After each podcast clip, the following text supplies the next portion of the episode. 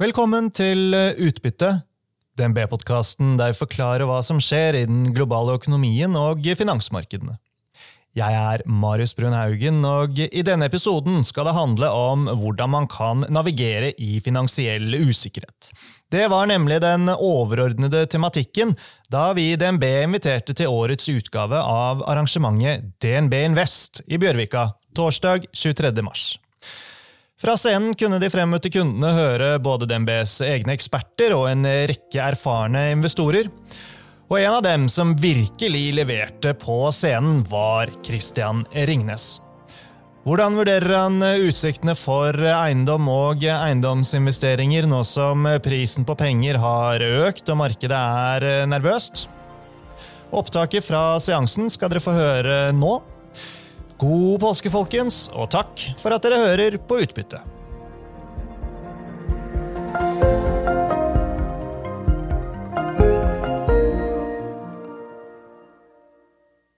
Jeg skal da uh, fortelle at uh, selv i uh, høyrentetider, uh, iallfall så lenge det skyldes inflasjon, så er eiendom ikke det verste man kan ha. Men for at dere skal liksom tro på det jeg sier, så må jeg først bygge kred. Og jeg startet jo eiendomsbransjen som ca. 30-åring. Og det første som skjer, det er at jeg blir oppringt av Olav Thon. Og det går omtrent som følger. Ja, er det min nye kollega i bransjen, Christian Ringnes, jeg snakker med? Jo, det var da det. Ja, det hadde vært fint om du kunne komme ned til meg og få en kopp kaffe. Så kan vi snakke litt sammen. Man vet jo aldri hvor lenge du er i denne bransjen. Så full av bange anelser går jeg ned til Olav Thon. Der blir jeg budt, ikke på en kopp kaffe, men et kopp med varmt vann. Det er stort sett det han tar seg råd til. Og så setter han i gang og sier, 'Ja, du Ringnes, fortell litt om deg selv.' 'Ja, jeg går ut fra du har stått en del bak disk.' Ja, for det er vel et uh, fellestegn med oss eiendomsfolk at vi har, vi har, litt greie på handel og vandel. Og jeg hadde jo da tre timer bak disk i hele mitt liv. Det var på Noresund kro da min fetter hadde fått los på Bygdas skjønnhet, og jeg ble satt inn som reserve. Det var ikke én gjest under mine tre timer der, så jeg følte meg litt satt uh, i gapestokken allerede. Og så sier Olav ja, ja det er jo fine eiendommer du har fått uh, av Sparebanken der. Uh, syv stykker i tallet. Men jammen har du fått mye gjeld også. regnskapene viser jo at det renner mye penger ut her. Men skulle du få problemer, så kan du bare komme til meg, så skal jeg hjelpe til. Og Hvis dere noen gang har sett filmen 'Haisommer', så vet dere akkurat hva jeg følte da. Uansett, til tross for at jeg var overutdannet og absolutt ikke egnet meg til å være i eiendom, så gikk det ikke så verst. Dette er en plansje som jeg skal være meget rask med. Den viser egentlig bare at fra jeg eier ingenting av noe som nesten ikke var noen ting, så eier jeg i dag veldig mye av noe som er verdt ganske mye. Og det er jeg blitt rik av. Det fikk jeg jo høre av Kaski i dag, at sånne som meg kan ikke snakke om formuesskatt, for vi snakker bare for oss selv. Hun har jo ikke helt urett i det, men allikevel. Det føltes tungt der jeg satt. Ja. Men jeg børster det av meg og går videre. Her ser dere aksjekursen fra 1990 og frem til i dag for en del Unnskyld, 96 og frem til i dag for en del aksjer. Jeg har tatt Oslo Børs totalindeks. Den har 14-dobbelt seg på den tiden. Vi har Olav Thon, som alltid har vært min ledestjerne. Den har da nesten 30-dobbelt seg på denne tiden. Så har vi Eiendomsspar, som er den neste nedenifra. Den har 42-dobbelt seg på denne tiden. Og så har vi Victoria Eiendom, som egentlig bare er en giret utgave av Eiendomsspar. Den har 90-dobbelt seg på denne tiden. Og vi var akkurat over en hundredobling. Og da tenkte jeg wow, now I'm among the hundredbaggers. For det er noe man er på Wall Street og andre fine steder. Men nå er jeg ikke det lenger, da. Så da får jeg glede meg med andre ting, og dette skal gå fort. Men det er jo moro, da. Eiendom det er syk, fysisk, det er, og det er psykisk. Du er på hotellet hvor du vet det er masse historie. og Det er bare mye stas. Du har Folketeatret som fylles med 1400 mennesker stadig vekk. Ja, man blir i godt humør av sånt. og Skulle man komme hjem og synes at Playboy er kjedelig, så tar man bare opp midtsiden og ser på eiendommene sine. Om det nå er hjemme, eller om det er hoteller i utlandet. I sum er jeg jo da en heldig mann, og følg godt med på det bildet dere nå skal se. Her er overskriften i sum 'Største eier av et vekstkraftig og potent eiendomsselskap'. Og så har jeg illustrert, og dette er sant, med Viagras hovedkontor i California. Og hvis dere ser på buskene her, så vil dere skjønne at dette er ikke for småfolk. Ok, nå har jeg bygget tilstrekkelig med kred at dere vet at jeg vet hva jeg snakker om.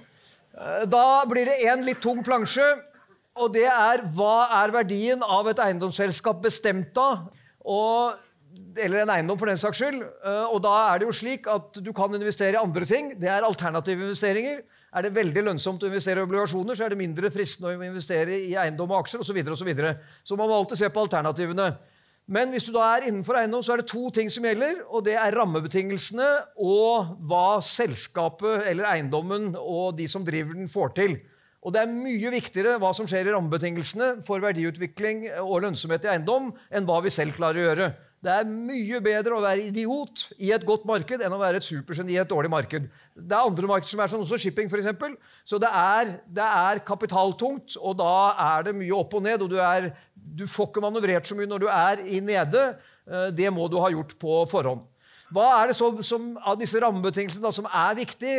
Jo, det er to i hovedsak. Det er renten. Det er kostnadssiden vår, fordi alle eiendomsfolk er litt grådige, så de låner. Eh, og for å få mer ut av verdistigningen eh, som de håper på. Og så er det tilbuds- og etterspørselsbalansen i utleiemarkedet. For det er jo inntektssiden vår. Så hvis du tar største eh, inntekt og største utgift, da har du mye av forklaringen. Og det er da rente og balansen mellom tilbud og etterspørsel i utleiemarkedet. Og så øh, syns jo jeg og mange andre at vi er veldig flinke. Men der er det jo bare å innrømme at ingenting kan erstatte det rene svinehell. Denne figuren her viser eh, renten eh, og renteutviklingen. Eh, kort og lang rente. Den korte i mørkeblått og den lange i lysere blått. Og det dere ser, er jo da en jevn senkning fra type 12-13% og ned mot, mot, slutten av kartet her, ned mot null.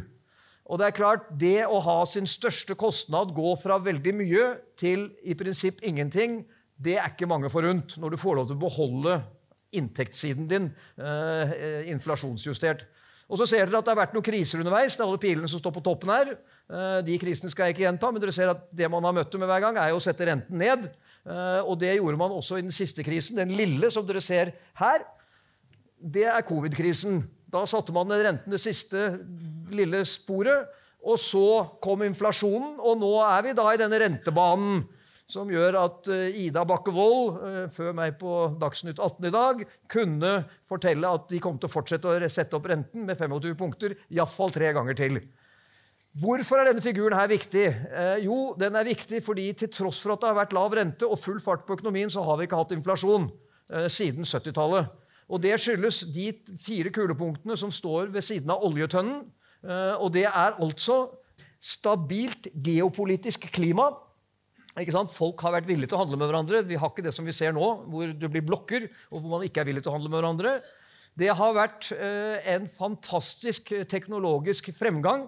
Det har vært veldig mye globalisering i form av handel. Og i virkeligheten så kom jo Kina inn og ble det som gjorde at det var billig å kjøpe varer. Fordi vi fikk inn masse underbetalte kinesere som etter hvert ble veldig flinke til å produsere ting.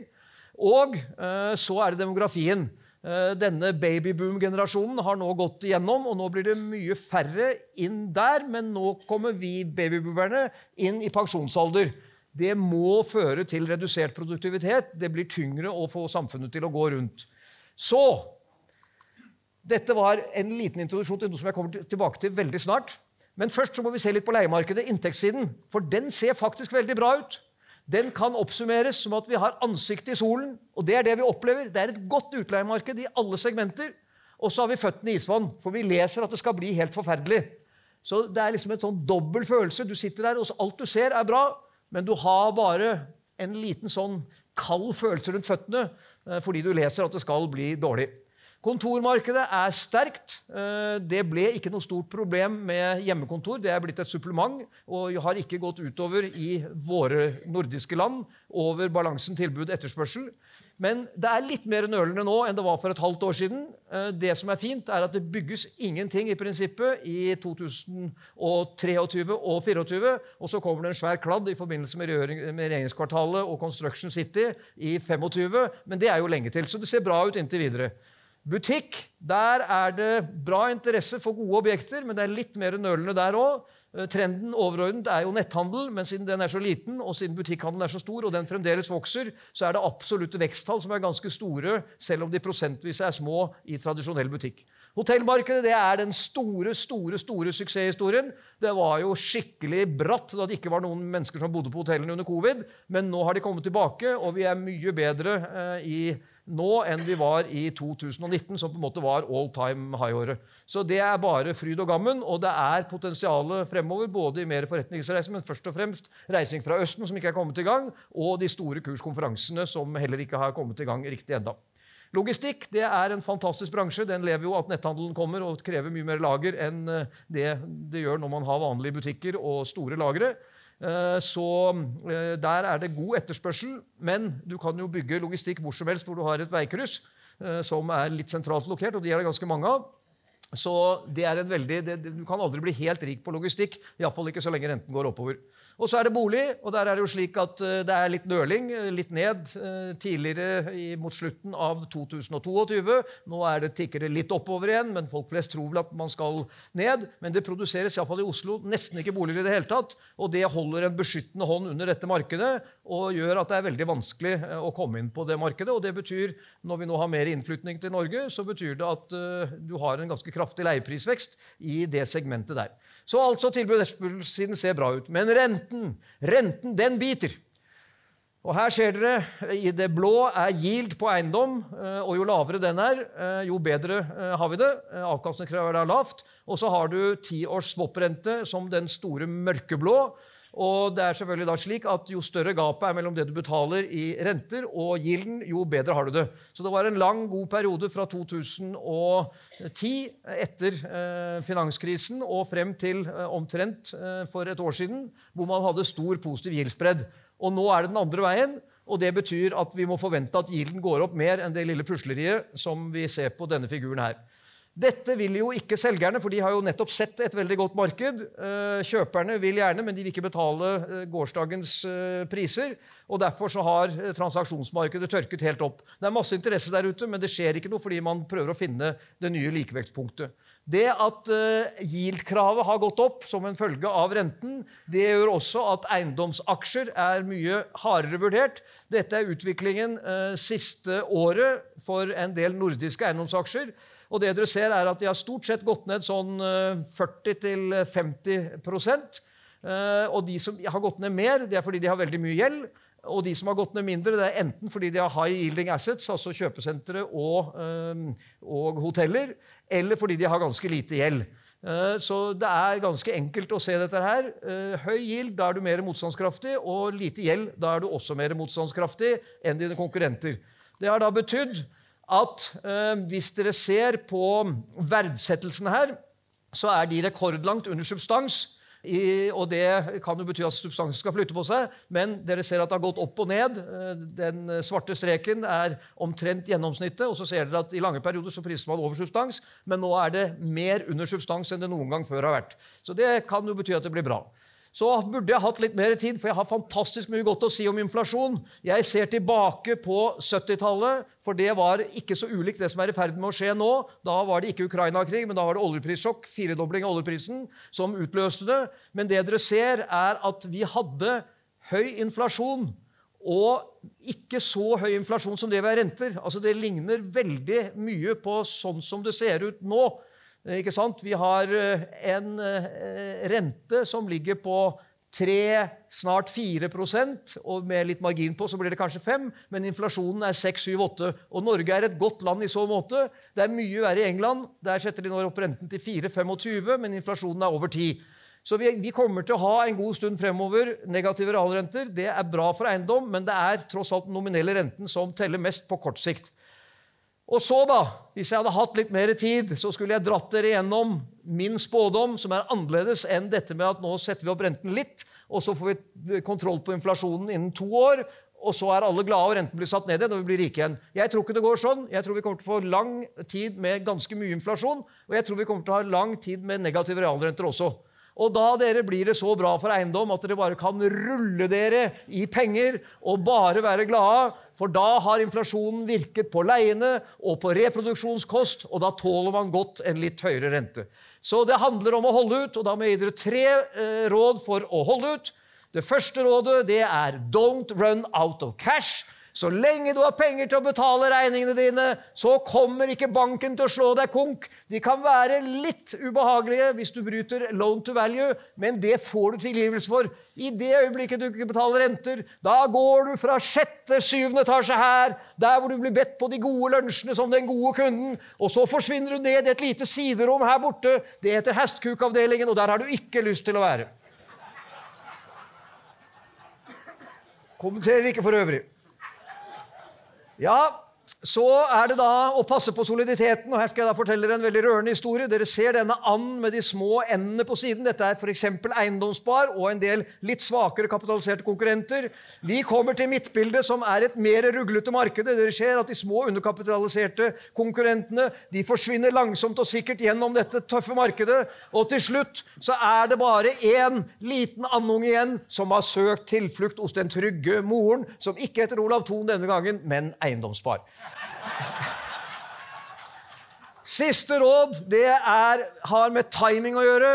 Altså Det som gjør at vi timer dårlig, og det at vi blir så revet med av det som skjer. Ikke sant? Det er noen ganger sånn at alt går bra, alle dealer er en fest, men husk da det, dere, at det varer aldri evig. Og takk for meg!